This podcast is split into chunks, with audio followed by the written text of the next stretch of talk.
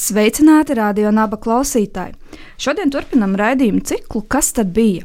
Šīs dienas tēma - ārkārtējās pilnvaras, Ulmanis, Munters, Zariņš un citi. Ar jums ēterā Latvijas okupācijas muzeja darbinieki Gīns Apals un Santa Dunaiska. Un papildus klausīsimies arī vēsturnieka Aināra Lerha citāts. 1940. gada 17. maijā Kārļa Ulmaņa vadībā nolēma piešķirt ārkārtējās pilnvaras Latvijas sūtnim Lielbritānijā Kārlim Zariņam un Latvijas sūtnim Amerikas Savienotajās valstīs Alfrēdam Bilmanim. Šim dokumentam bija liela nozīme Latvijas diplomātu darbības nodrošināšanā ārzemēs laikā, kad valsti bija okupējusi Padomju Savienību un nacistiskā Vācija. Ārkārtējām pilnvaram ir sava priekšvēsture. Notikumi 1940. gada pirmajā pusē nav šķirami no agrāk īstenotās valsts ārpolitikas attīstības. Gint, vai Latvijas ārpolitikai bija sava stratēģija un kas to raksturoja? Varētu teikt, pat vairākas ārpolitikas stratēģijas, kuras mainījās laika gaitā. Par tādu zelta laikmetu parasti tiek uzskatīts Zifrīda Meirovics posms 1920. gada pirmajā pusē, un Meirovicam ir divas pieejas. Raugoties uz karti, tās tiek sauktas par vertikālo līniju un horizontālo līniju. Ko tas nozīmē? Šī vertikālā līnija ir tātad reģionāla sadarbības veidošana starp jaunajām valstīm Baltijas jūras austrumkrastā.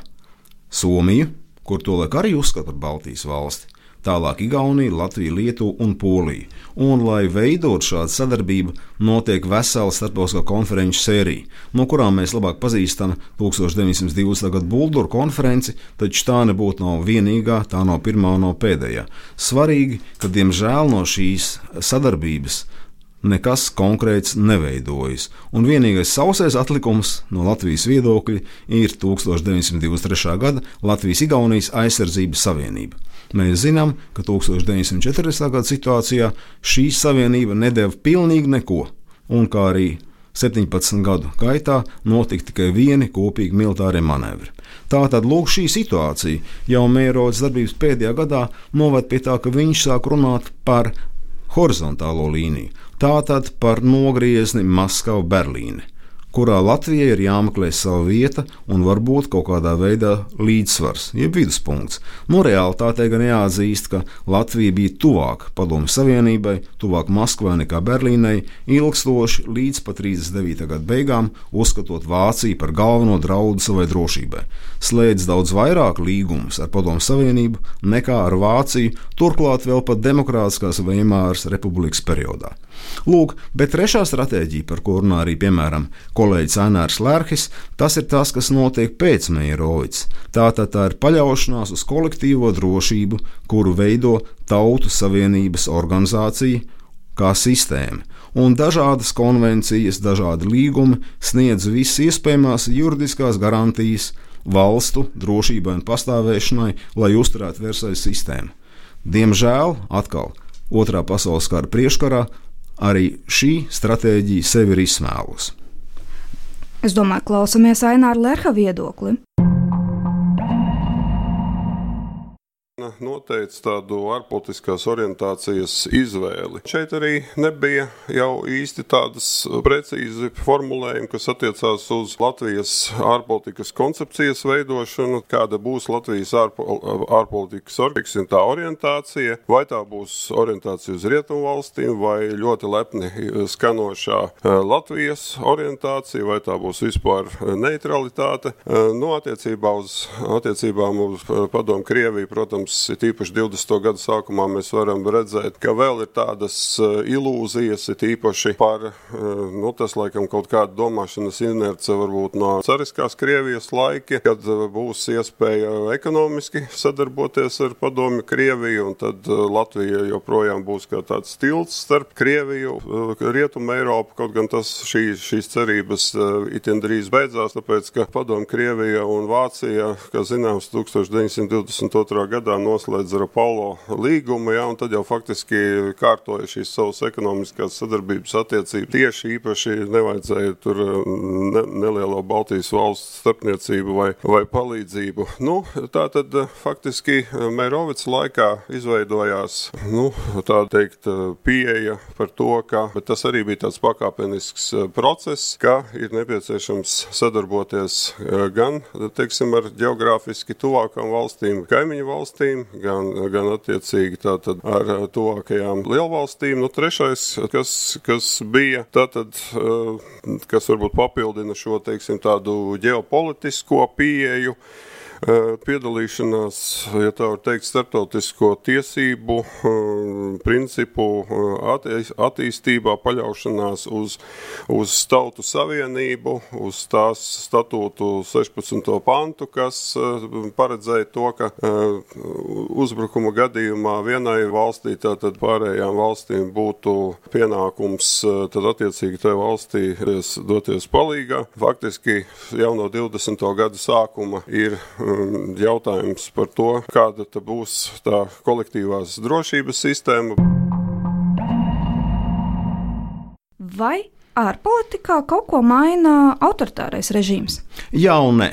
Stratēģijas nozīme autoritārais režīms nemaina neko, varētu teikt, tiek turpināta iepriekšējā aktīvā darbība Tautas Savienības ietvaros, tiek slēgti starptautiskie līgumi, un, protams, tiek arī domāts atkal par Baltijas valstu sadarbību jau šaurākā formātā, jau bez Somijas, bez Polijas faktora, un 1934. gada beigās tika izveidota tā saucamā Baltijas Antante nu, skan ļoti, ļoti iespaidīgi. Mēs zinām, ka Antante mm. ir šis valstu bloks, kurš Pirmajā pasaules karā sakauj Vāciju un viņas sabiedrotos, kas diktē miera noteikumus, kas rada Versaļas sistēmu un principā tādā veidā arī kaut kādā mērā rada Latvijas neatkarību tāpat kā citu jauno valstu neatkarību. Taču Baltijas antente nav nekas tam līdzīgs. Tā nav militāra savienība, tas ir tāds e, konsultāciju formāts kura ietvaros ārlietu ministri no trīs valstīm regulāri tiekās divas reizes gadā parasti un apspriež aktualitātes. Apspriež to, ko dara viņu valdības. Bet svarīgi, ka piemēram trīs Baltijas valstu vadītāji, valstu galvas, nekad savā starpā tā arī nestiekās. Un līdz ar to pašu mēs varam spriest par šī veidojuma reālo nozīmi, kurš izrādījās ļoti mazs tad, kad nāca 39. un 40. gada krīzes. Nu, ņemot vērā, ka uh, mēs runājam par otrā pasaules kara priekšvakaru, uh, kādas būtu šeit šīs laika robežas? Jā, nu mēs Latvijā parasti ļoti bieži domājam par Molotovu-Ribbentropa paktu un valsts okupāciju 40. gada jūnijā. Nu, ja jārunā par pasaules karu plašāk, Tādā gadījumā, protams, process sākas jau no Āzijas, no 1931. gada, no Japānas agresijas pret Ķīnu, pārņemot, iekarojot Manžūriju, veidojot šeit savu satelītu valsti. Eiropā vēl tālāk notiek citi dažādi notikumi. Vēl pa vidu ir arī Itālijas agresija Āfrikā pret Abesīniju, tas arī ir jāņem vērā. Un Eiropā ir svarīgi vēl, protams, visvairāk Minhenes vienošanās, kur tātad Vācija un Rietumēropas valsts, kā arī Itālija, nolēma atdalīt no Čehoslovākijas viņas teritorijas daļu, kurā dzīvo vācu tautības cilvēki, sudetus un nodot tos Vācijai. Tātad tas ir pirmais solis Čehoslovākijas sadalīšanas sākums. Un kopā ar to var minēt arī dabiski arī Austrijas pievienošanu Vācijai, tā saucamā Anšlus, un arī e, dažādus vēl citus notikumus. Tā ka process, diemžēl, ir sācies. Problēma šeit ir tāda, ka uh, Latvija būtībā to neievēro un nereaģē izliekās, ka viss būtu kārtībā un ka nekas fundamentāls nemainās. Gint, bet uh, mums jāņem vērā, ka Latvijā un citur centrāla austruma Eiropā otro pasaules karu mēs kā, vērojam vairāk caur Molotovu-Ribbentropa uh, paktu prizmu. Bet uh, kas vēl tāds svarīgs notika 1939. gadā? Jā. Ja mēs šajā sarunā izējām ārpus Latvijā parastajiem priekšstatiem un domājam ne tikai no lokāla viedokļa, bet drusku plašāk, tad ir vēl vairāk faktori. Es varbūt minētu trīs no tiem. Tā pirmais jautājums ir Vācijas Vācijas-Polijas attiecību process. Tas, ka pēc Mīnhenes vienošanās Polija piedalās Čehoslovākijas sadalīšanā, pārņem Tešinas apgabalu no Čehoslovākijas, un, protams, šeit notiek aktīvas konsultācijas, jo Vācija vēlas padarīt Poliju par savu jaunāko, jeb mazāko sabiedroto, kas attiecīgi būs buferis pret Padomu Savienību un piesegs Vāciju pret Padomu Savienību. Tādā gadījumā, ja Vācija turpinās agresiju rietumu virzienā, šeit ir tikai viena problēma, un tas ir Dānціgas koridors. Vācija vēlas pieeju ekstrateritoriālu koridoru uz Dancigu, kas ir vairāk tāda nu, vācu tautības cilvēku apdzīvot brīvpilsētu toreiz, kas īstenībā nav ne Vācijas, ne Polijas teritorija. Taču šeit iejaucas aktīvā brīvā diplomātija un pārliecina Poliju, ka nav vajadzīgs pieņemt Vācijas priekšlikumus, un ka Polijai vajadzētu paļauties labāk uz Francijas un Lielbritānijas garantijām savai drošībai pret Vāciju. Ir ļoti interesanti, starp citu, ka, piemēram, varbūt Polijā mūsdienās ir daudz plašāka un brīvāka diskusija par šiem jautājumiem nekā mūsu zemē, diemžēl, un Polijā, piemēram, ir pilnīgi leģitīms jautājums augsta līmeņa konferencēs. Jā, bet skatoties uz to, kas notika, vai tiešām Dancigas koridors bija 6 miljonu polijas pilsoņu dzīvību vērts, vai polijas valdība un ministrs Beks toreiz rīkojās pareizi, attiecīgi ejot uz karu ar Vāciju un paļaujoties uz rietumu valstu garantijām. Blakus jautājums šeit ir attiecīgi, ko šīs garantijas nozīmē arī Baltijas valstīm.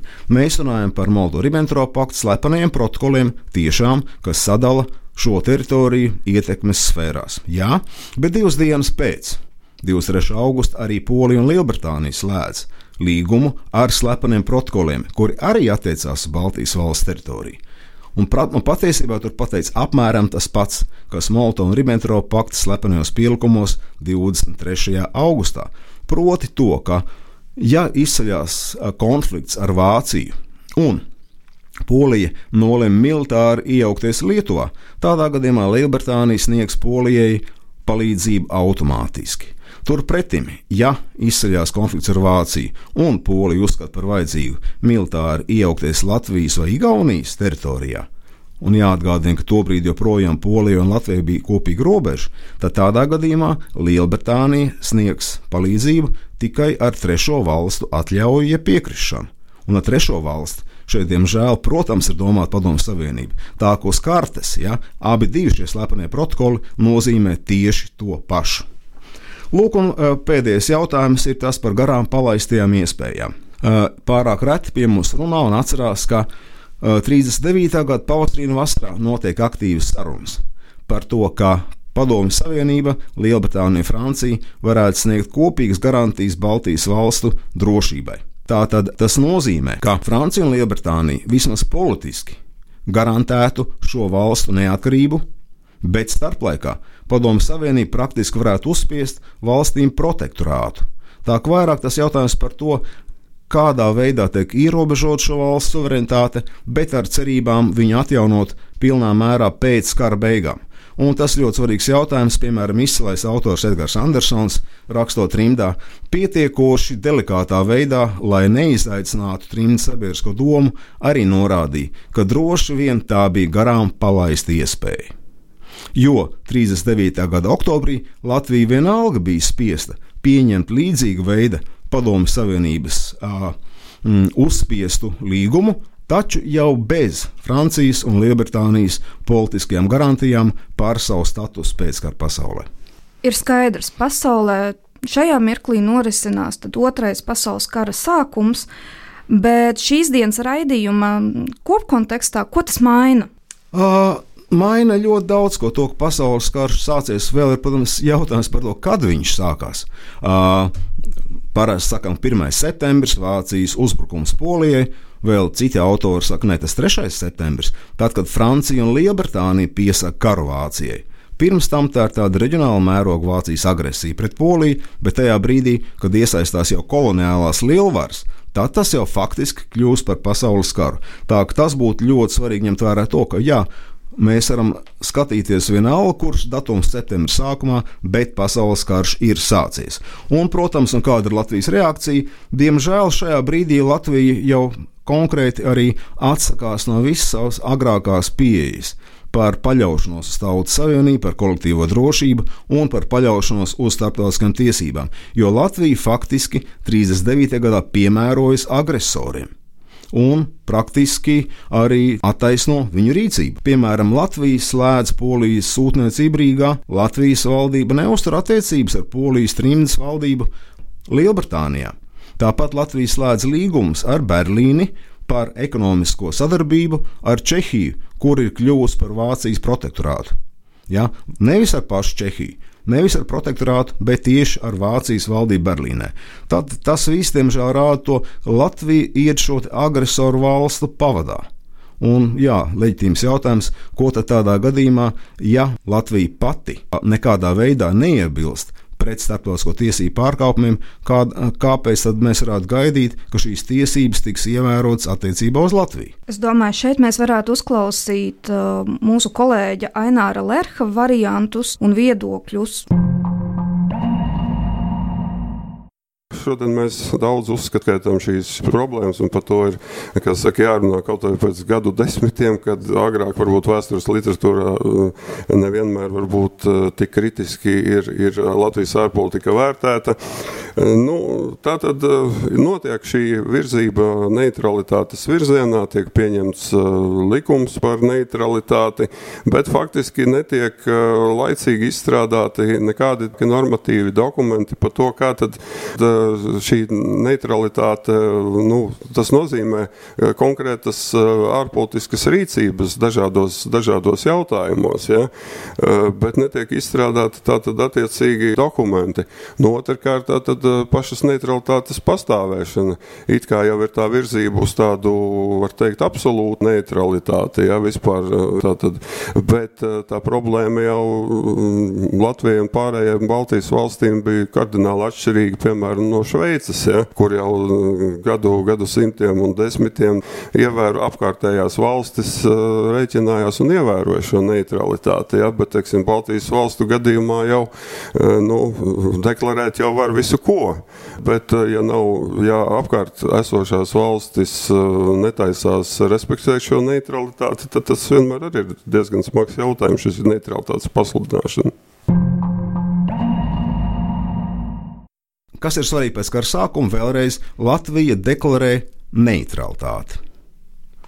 Un tas ir kā liekas ļoti jauki, izņemot pāris jautājumus. Konkrēti, pirmkārt, ja, tas notiek situācijā, kur visi taču ļoti labi zina, kāda bija vērtība Beļģijas neutralitātei Pirmā pasaules kara laikā, ka tā tika pārkāpta tad, kad salūrās lielu valstu intereses un sākās karš. Vai tiešām kāds varēja domāt, ka Latvija varētu būt kaut kas cits nekā Beļģija? Bet otrs jautājums tas, ka faktiski tomēr Latvijas valdība maldina gan pati sevi, gan starptautisko sabiedrību, gan arī, diemžēl, Latvijas tautu, tāpēc, ka viņi sūta trīs signālus vienlaicīgi un paralēli, kas rada apjukumu.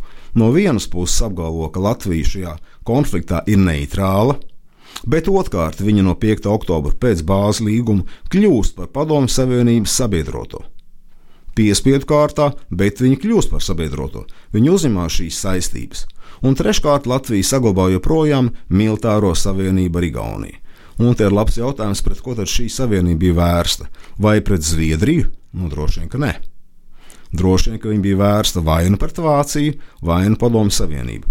Un praktiski tiešām šīs trīs pieejas ir nesavienojamas, bet Latvijas valdība kaut kā to īsti neuztver. Un arī dokumenti liecina par to, ka tādas domāšanas nemaz nav, ka šī Latvijas ārpolitika ir pilnīga improvizācija un paļaušanās uz to, ka gan jau viss būs labi. Diemžēl tas raksturo situāciju laikā, kad top ārkārtējās pilnvaras. Bet saki, lūdzu, arī par vācu baltiešiem, gan jau arī viņiem šeit ir kāds, kāds mirklis tomēr jāvelta. Jā, nu es domāju, ka tiešām jāvēl, tāpēc ka tas ir jautājums, ko es jau sāku par Latvijas valdības un politiskās elites attieksmi pret savu tautu. Ja mēs ar Latvijas tautu saprotam Latvijas pilsoņus, kā tam būtu jābūt arī pēc satversmes un Latvijas likumiem. Tādā gadījumā, protams, kā Latvijas un Vācijas līgums par vācu tautības Latvijas pilsoņu izceļošanu uz Vāciju kolektīvi, kas tiek attiecināts uz veselu cilvēku grupu, kas nav īsti individuāla izceļošana, bet vesela cilvēku grupa tiek pārvietota starpvalstu līguma ietvaros. Pie tam Latvijas puse pārņem šo cilvēku privātu īpašumus, arī viņa sabiedrisko organizāciju, viņu draugu īpašumus un daudz ko citu, un par to veids vēlāk daļēji norēķinu ar Vācijas pusi.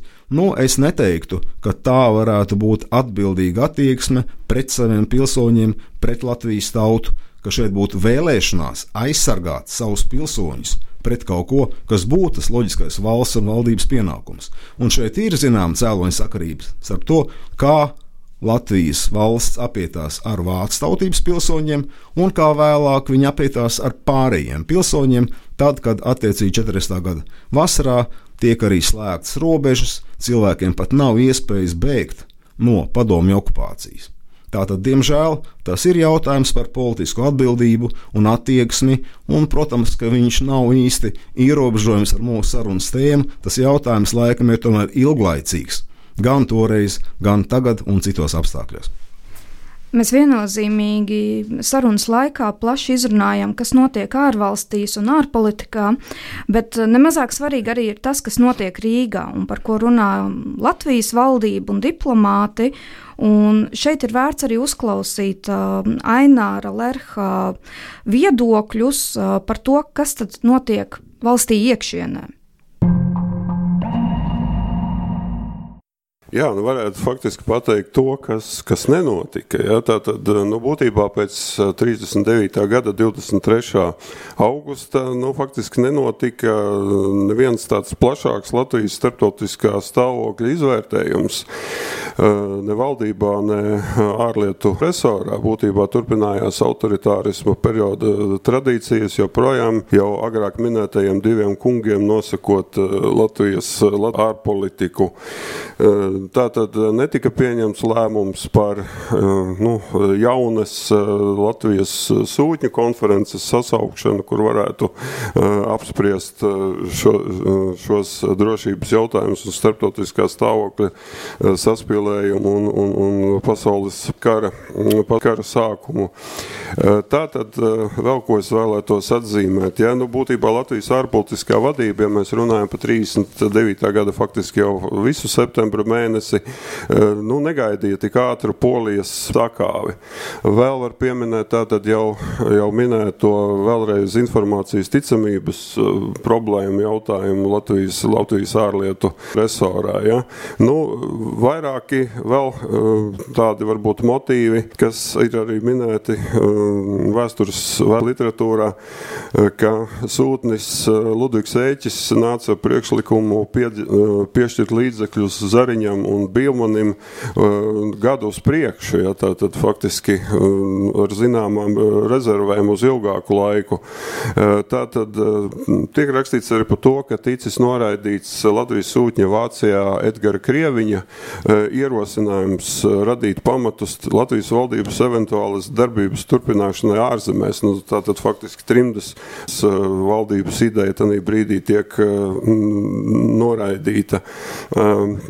Militārā atašēja Vācijā, tad Aleksandra Plensnera ideju par dažu, tā var teikt, vērtīgu cilvēku izvešanu no Latvijas uz ārzemēm faktiski arī netika īstenota. Ja, tad netika īstenot nekādi pasākumi, kas, kas varbūt tiešām vērtīgāko arhīvu cilvēku, teiksim, varbūt iz, izvešanu uz ārzemēm, ko teorētiski vēl varēja darīt, nekas tam, nekas no tā, diemžēl īstenots netika.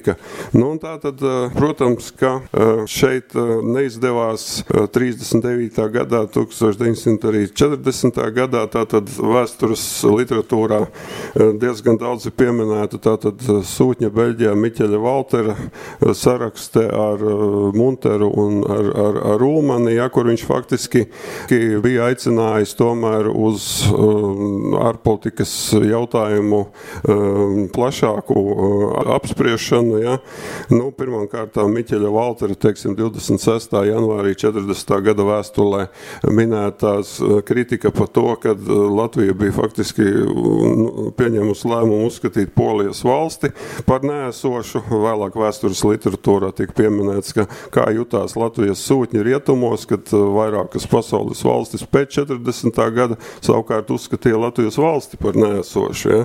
Nu, tā Latvija un Igaunija neatbalstīja Lietuvas ideju par Baltijas valstu konferences sasaukšanu Kaunijā. Bija bažas tātad par, par šo uh, Latvijas uzskatīšanu par protektorātu. Uh, piemēram, uh, ēķis rakstīja telegrammā 7. oktobrī 39. gadā šādus vārdus lūdzu nodot manu visdziļāko līdzjūtību un sirdsāpes prezidentam, ģenerālim Balodim un mūsu ministram.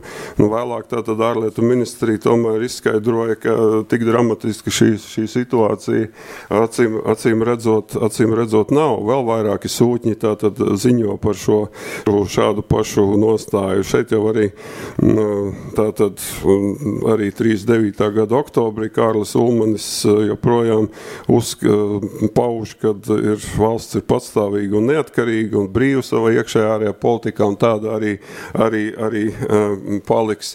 Nu, Miķelis Valters tātad savukārt kritizē šo 5. oktobra līgumu un aicina to neuzskatīt par uh, brīvu līgumu, un ja to nevar, uh, ka tas ir uzspiests tātad, bet ja to nevar pateikt publiski, tad vismaz neslavēsim, jā, tātad, uh, nu, šeit šādi šie, šie jautājumi ir, un uh, Valter rosinātā ārpolitiskā diskusija tā arī nesākās, uh, nenotiek nekāda uh, valsts apdraudētības uh, paušana, nu, tā tad arī nav nekāda autoritārais režīms, kā Miķels Valters to konstatē, tā tad nu, neorientējas uz rietumu demokrātijas valstīm vismaz kādā vērtību ziņā.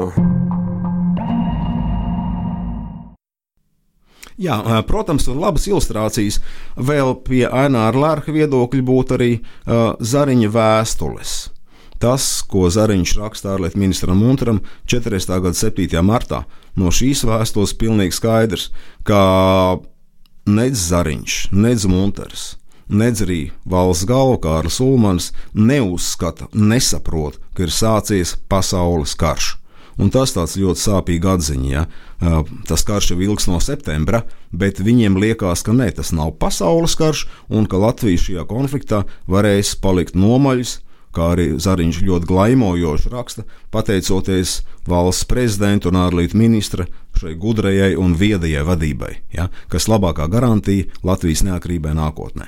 No, nu, diemžēl tāda ir tā situācija un mentalitāte arī autoritārā režīma apstākļos, un jā, lai gan citi diplomāti varbūt raksta arī individuālas vēstules, tā kā Miķels Zari, e, Valters raksta vēstuli savam senajam paziņam, Kārlim Ulmanim, viņš izsaka savu viedokli, bet nu, tam vairs nozīmes nav. Lēmumus pieņem šaurā lokā Latvijas valdība, Kārļa Ulmaņa vadībā ar Monteru piedalīšanos, un Kārlis Zariņš to ļoti subservīli īsteno savā praktiskajā rīcībā.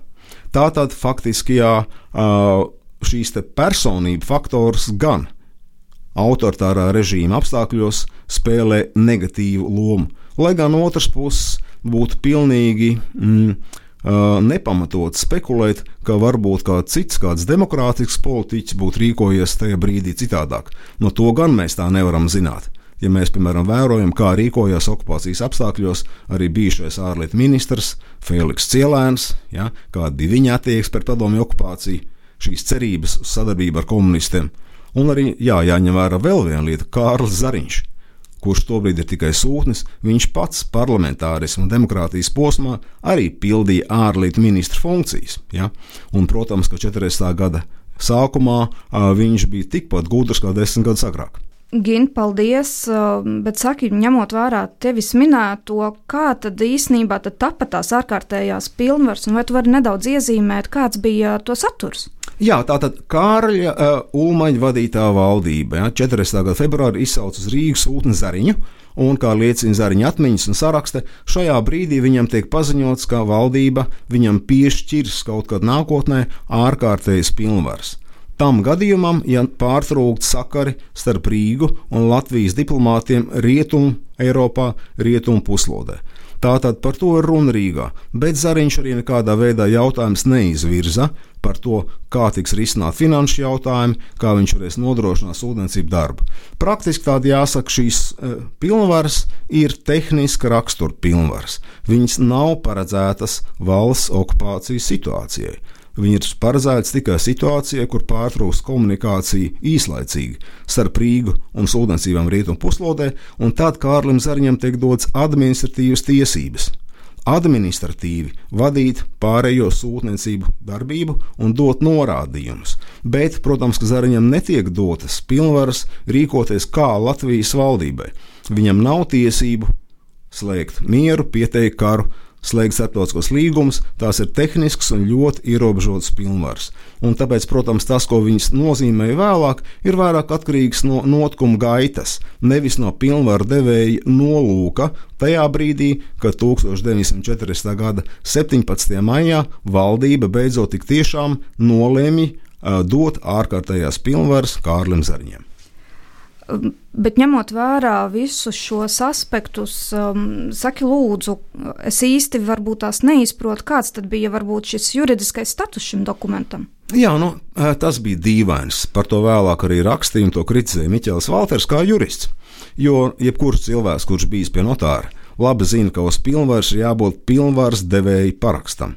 Lūk, bet tā vietā ir tikai dokuments, kas ir izraksts no ministru kabineta sēdes protokola, kur apliecina valsts kancelējas ierēdnis Bulsons. Tur nav ne valsts galvas, ne ārlietu ministra paraksta, nedz arī zīmoga, nedz datuma. Tādā veidā, kā tam būtu jābūt pilnvaras, un līdz ar to pašu šo pilnvaru atzīšana vēlāk ir tīri politisks jautājums. Ja? Tas, kā Savienotās valstis un Lielbritānija respektē šo protokolu izrakstu, Tas vairāk ir politisks lēmums, ko nosaka šo valstu attieksme pret Latvijas okupāciju. Tās, ka rietumu valstis ar šīm divām minētajām priekšgalā nolēma, ka viņas neatzīs Padomu Savienības veikto okupāciju un aneksiju un neatzīs Latvijas pievienošanu Padomu Savienībai par likumīgu. Tas nosaka attieksmi pret šo protokolu izrakstu. Bet pilnīgi pareizi Valteram taisnība no tehniska viedokļa par pilnvaru kā tādu pareizi noformētu dokumentu, to īsti saukt nevarētu. Ir skaidrs, ka situācija ir sarežģīta gan iekšēji, gan ārēji. Un, līdz ar to ir arī vērts saprast, kā citas valstis vērtēja Latvijas pastāvošo situāciju 1939. un 40. gadā.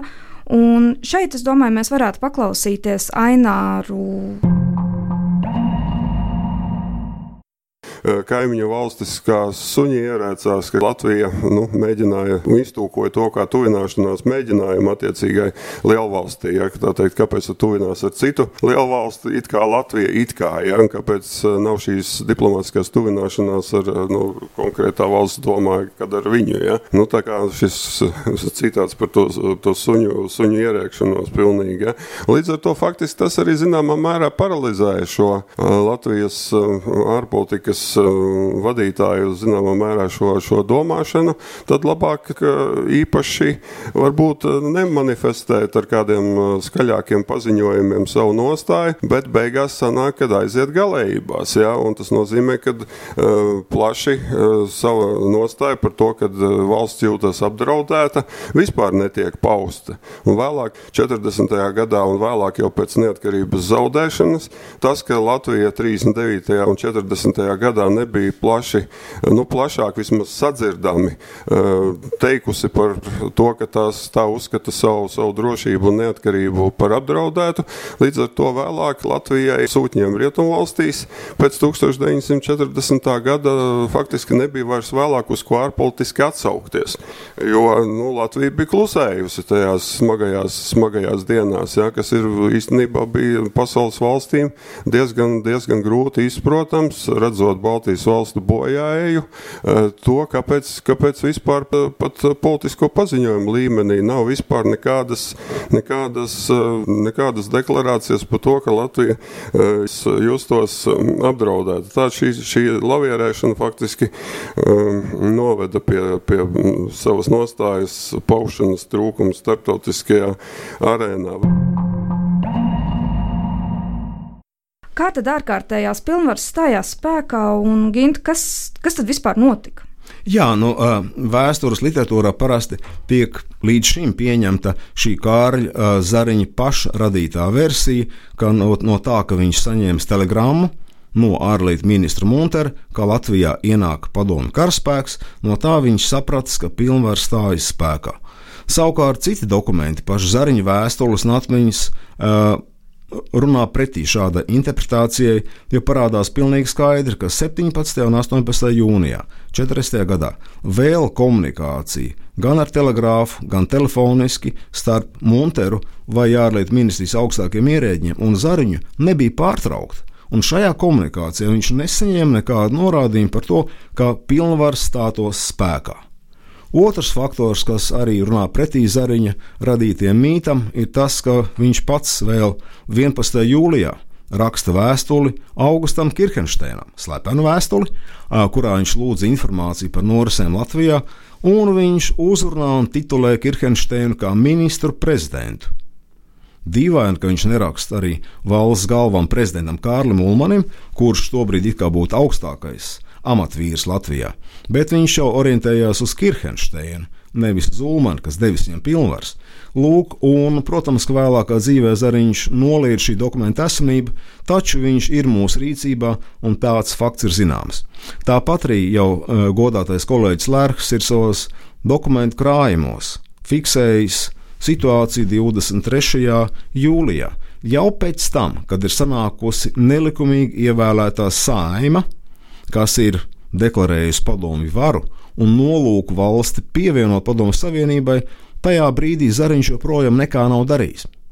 Un tajā brīdī sūtnis Bilmanis, kurš ir pilnvarās uh, minēts kā Zariņa substitūts, ja vietnieks, tajā brīdī uh, sūta telegrammu no Vašingtonas uz Londonu un vaicā Kārlim Zariņam, vai Kārlis Zariņš uzņemsies šīs pilnvaras. Tas reāli nozīmē to, ja, ja Kārlis Zariņš to nedara, tad Bilmans varētu domāt, ka viņš to dara. Jo viņš arī minēts kā vietnieks Zariņa vietā. Un Zariņš atbild ar telegrāfu, pozitīvi, jā, viņš šīs pilnvaras uzņemsies. Tā ka pareizi būtu tomēr teikt, ka no 23. jūlija, kad Zariņš uzņemās šo, pie, šo pilnvaru nesēju lomu, viņi stājas spēkā iekšēji Latvijas ārlietu dienestā, kāds viņš tobrīd bija, starp Latvijas diplomātiem, kas strādā rietumu puslodē. Jo atgādināsim, pilnvars neatiecas uz Latvijas diplomātiem Padomju Savienībā, Vācijā vai Baltijas valstīs, bet vairāk tikai uz rietumu puslodi. Un tā tad iekšēji, jā, šīs tehniskās pilnvaras sāk darboties, bet ārēji, protams, jautājums, kad viņi stājas spēkā no Lielbritānijas, jeb no Savienoto valstu viedokļa. Tas ir tajā brīdī, kad šo valstu politiskie pārstāvi nolemj piekrist Kārļa Zariņa rīcībai ieceļot, jeb pārceļot diplomātus, jeb rīkojoties ar atlikušo Latvijas sūtniecību naudu ārzemēs. Un, protams, arī Zariņš pats ir atzīmis vēlāk, jā, ka pēc Britu pieejas lielā mērā uh, Latvijas sūtņu rīcībā ārzemēs nosaka viņa parastās pilnvaras, kur sūtnis ir akreditēts pie konkrētas valsts valdības. Tātad ārkārtējās pilnvaras vairāk ir iekšējs tehnisks dokuments, kas regulē attiecības administratīvi starp atlikušiem Latvijas diplomātiem. Paldies, Gint. Varbūt raidījuma izskaņā vēl tad varam noskaidrot vēl tādu pēdējo un svarīgāko jautājumu. Kāda bija ārkārtējo pilnvaru nozīme? Jā, ārkārtējās pilnvaras tomēr bija svarīgas vēlāk, jo to noteica visu šīs situācijas attīstība. Uh, arī tehniskais raksturs nozīmēja to, ka uh, tad, kad pāragri mira Alfrēds Bilmans, tad Zariņam bija tiesības iecelt viņa pēctečus. Un Amerikas Savienotās valsts piekrita tam, ka vispirms iecēla jau kā pilnvaroto lietvedi Jūliju Feldmanu, pēc tam Arnoldu Spekki un tas bija svarīgi nodrošinot Latvijas sūtniecības darbību Savienotajās valstīs pēc Otrā pasaules kara, kad, protams, tieši Vašingtona bija kļuvusi par rietumu pasaules, jeb brīvās pasaules centru, un svarīgākie politiskie lēmumi tika pieņemti tieši tur. Tā ka šeit izpaudās pilnvaru pozitīvā nozīme, bet no otras puses jāatzīst, ka arī viņu trūkumi, jo tajā brīdī, kad Kārlis Zariņš mirst, 1963. gadā, tad līdz, to, līdz ar to arī pilnvaras ir beigušās. Un, attiecīgi, arī Arnolds Speke ir spiests atzīt savā sarakstā Vašingtonā, ka ārkārtējās pilnvaras ir aizgājušas kapā līdz ar pašu nelaiķi. Lielas paldies, Ginte, par tavu laiku un par tavu viedokli un izklāstu šajā visai svarīgajā vēstures notikumu burzmā, un tomēr arī nostādot to svarīgumu, lai mēs saprastu uh, vēstures notikumus. Uh, līdz ar to radio naba klausītāji, paldies, ka jūs arī bijāt ar mums. Uh, ar jums ēterā bija Latvijas okupācijas muzeja darbinieki Santa Dunaiska un, un Gīns Apals. Paldies jums! Paldies!